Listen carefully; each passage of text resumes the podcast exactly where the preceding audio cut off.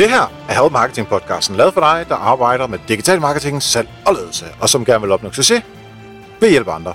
Jeg hedder Xings, og Help Marketing producerer som min virksomhed, der hedder nok meget. Det her det er afsnit nummer 246 af Help Marketing, og emnet i dag det er, hvordan samarbejder man bedst med byråer.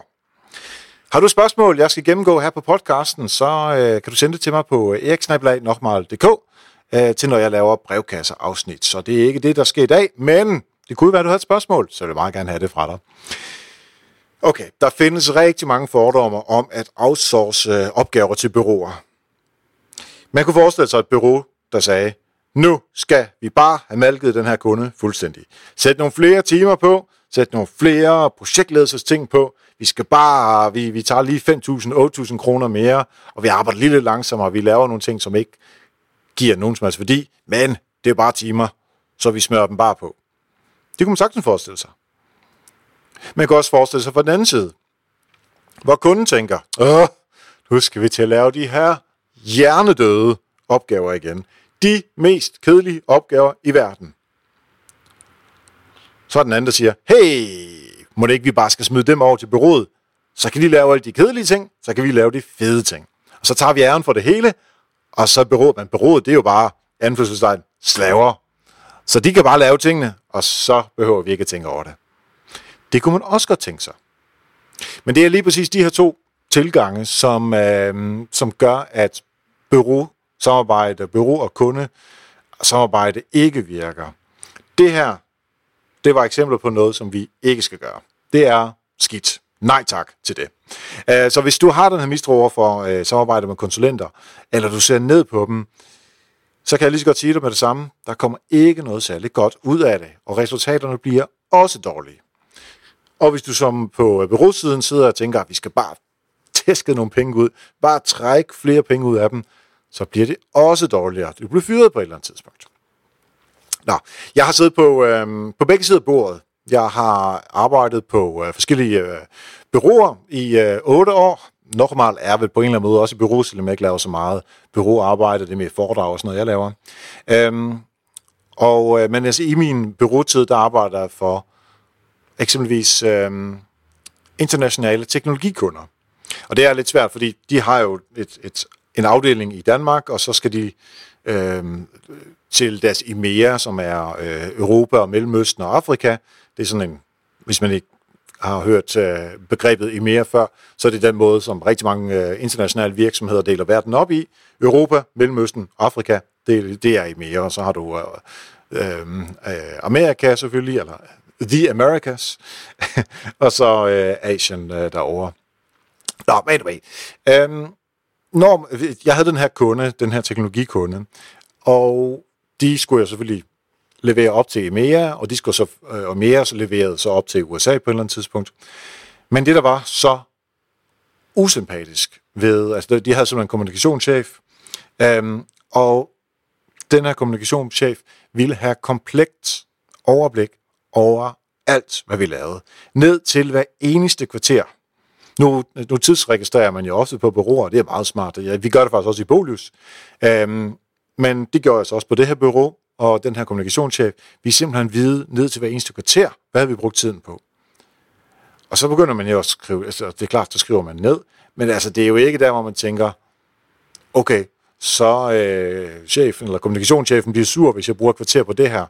Altså det er jo ikke fordrende for et samarbejde. Så der var altså en dyb mistro øh, mellem os på byrådsiden, og så øh, ja, kommunikationschefen og, og kunden over på den anden side. Og det virkede bare ikke. Altså, jeg havde ikke lyst til at give min bedste performance, og ja, det blev resultaterne også af. Og det er helt naturligt, når sådan noget sker. Heldigvis kom der så en ny øh, kommunikationschef øh, til. Han var meget mere loose, han har sagt, altså han udviste meget mere tillid, øh, og vores, eller min lyst den, til at performe, den, den blev simpelthen bare bedre af, at der kom en ny kommunikationschef. Så øh, uh, shout out til, uh, til den nye kommunikationschef. Um, og det viser bare, at samarbejde det er altså vigtigt med tillid. Um, I dag, for at se på den anden side, i dag der er jeg så leder for, uh, for udbredelse af relationer i Bolius. Og det er jo på mange måder markedsførings- og PR- og kommunikationsarbejde. Uh, og vi hyrer faktisk en del konsulenter ind til alle de her uh, ting. Det er så ikke kun mig, de snakker med, der, der er selvfølgelig også mine kollegaer og, øh, og andre, som er uden for vores team. Um, men når det, uh, når det er, at, at øh, de her konsulenter, de enten refererer til mig, eller til, øh, til nogle af mine uh, folk i, i teamet, jamen så, jeg kan i hvert fald bedst lide, at vi simpelthen sidestiller konsulenter med kollegaer eller medarbejdere, eller efter man er chef, eller om uh, man er menig medarbejder, han har sagt. Um, så hvis du har et bureau, og du er på kundesiden, så vil jeg, se, så vil jeg tænke, se dig selv som en slags chef, hvis opgave det er at motivere konsulenterne. Ikke den der, du må ikke, eller du skal, eller ned på hver kvarter. Det er den der chef, der siger, hvordan kan vi gøre den her opgave så interessant, at du bare har lyst til at give den 110% Altså motivere de her konsulenter, ligesom man skal motivere sin, øh, uh, sine medarbejdere. En anden ting, der er mega vigtigt, sæt nu ansigter på hinanden. Mødes en gang imellem. I hvert fald et startup-møde. Det er absolut vigtigt. Og så måske et kvartalsmøde eller et månedligt møde, hvor man så mødes for at tale om, hvordan det går, hvor, hvad kan vi gøre forbedringer, øh, nogle ting, som der måske mangler af viden, øh, og ikke bare, hvor byrådet så skal øh, afrapportere og stå til ansvar, som om det var en eller anden eksamen hos øh, lektor Blomme. Det, det holder simpelthen ikke. Øh, og i og med, at man begynder at kende hinanden, så kan man på kundesiden heller ikke give den der, i anfølgelsestegn, generiske konsulent skylden for det, som der ikke virker. Fordi nu ved man jo, at det er Henning, eller det er Lene. En anden ting, der er mega vigtigt, det er, at man giver adgang til relevant materiale. Altså, hvis du skal skrive en pressemeddelelse på, som, øh, som byråmedarbejder, og du har ikke fået alle data at vide, så er det altså virkelig svært at skrive den pressemeddelelse på en god måde. Byråer skal også have lov til at udfordre de planer og idéer, man har. Og det kan man ikke, hvis man kun giver dem en lille lunds af en jeg skulle lige til at sige, RV kedelig opgave. Det dur ikke. Og så skal man øh, give dem lov til at lave fejl. Altså alle folk laver fejl, jeg laver fejl, du laver fejl, alle laver fejl. Så hvis en, en konsulent laver en fejl, jamen så laver de en fejl, og så øh, tager den øh, med dem, og så siger, hey, det, øh, det, det må vi fikse. Og selvfølgelig skal, altså det er jo ikke, det er jo ikke sjovt ballade det hele. Altså man skal selvfølgelig også kræve, at de overholder deres deadlines og budgetterne, ligesom medarbejderne også skal. Hvis man gør det, så lover jeg, at, det bliver, at den relation, som man opbygger, det gør, at man bliver meget bedre til at øh, få et godt udbytte ud af den opgave, man nu engang har sat. Jeg skal selvfølgelig også sige, fra byrådsiden så, sørg nu for ikke at lægge tre timer mere på hvis I har lavet en fejl. Hvis byrådsiden har lavet en fejl, så skal du ikke lave, lægge tre timer mere på, for at den fejl skal udbredes. Det er jeres skyld, det er jer, der har lavet fejlen, så må I altså også øh, tage den. Der er der en forskel på en, øh, på en medarbejder og en øh, konsulent. Nå, anyway. Øh, det, der i hvert fald er vigtigt, det er, at vi ikke får den der os-dem-tilgang. Øh, så man kunne for eksempel sige, i 2019, der skal vi have solgt 400.000 badekar. Nu finder jeg bare lige på noget. 400.000 badekar. Det er, hvad vi skal have solgt.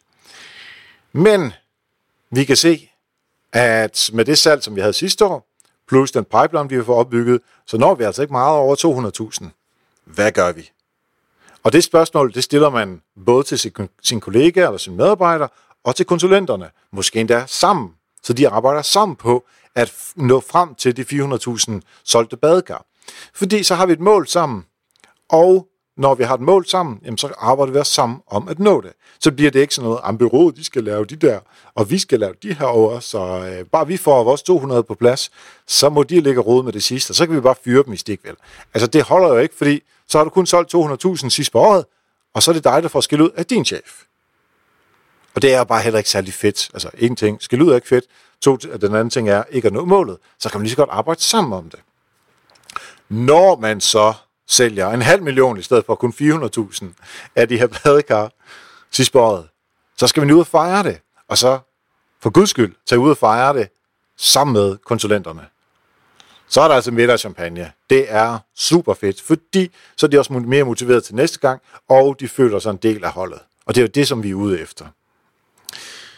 Godt. Øhm, og så skal man selvfølgelig tænke på, hvad er det for nogle opgaver, som øh, får? Skal de eksekvere? Eller er det mere sparringsarbejde, de skal lave? Øhm, og det øh, er altså vigtigt der, at man sætter nogle klare linjer. For hvis byrådet hele tiden øh, gerne vil spare, og lave strategi, men det, man egentlig har brug for, det er hænder. Lad os bare sige det, som det er. Så, så kommer der et mismatch. Så få øh, sat de der klare linjer, ligesom en medarbejder og en chef også bør have klare linjer. Godt. Øhm, jeg er stor fortaler af at samarbejde med øh, byråer, Øh, og ikke bare fordi jeg tidligere er byråmand, og øh, heller ikke fordi jeg selv har et bureau, øh, selvom det er meget, meget, småt i forhold til alle de store, der findes derude. Um, så er der selvfølgelig også nogle ting, som jeg ikke synes, man bør outsource. Der er nogle øhm, kernekompetencer, som jeg synes, at man ikke bør outsource. Community management eksempelvis.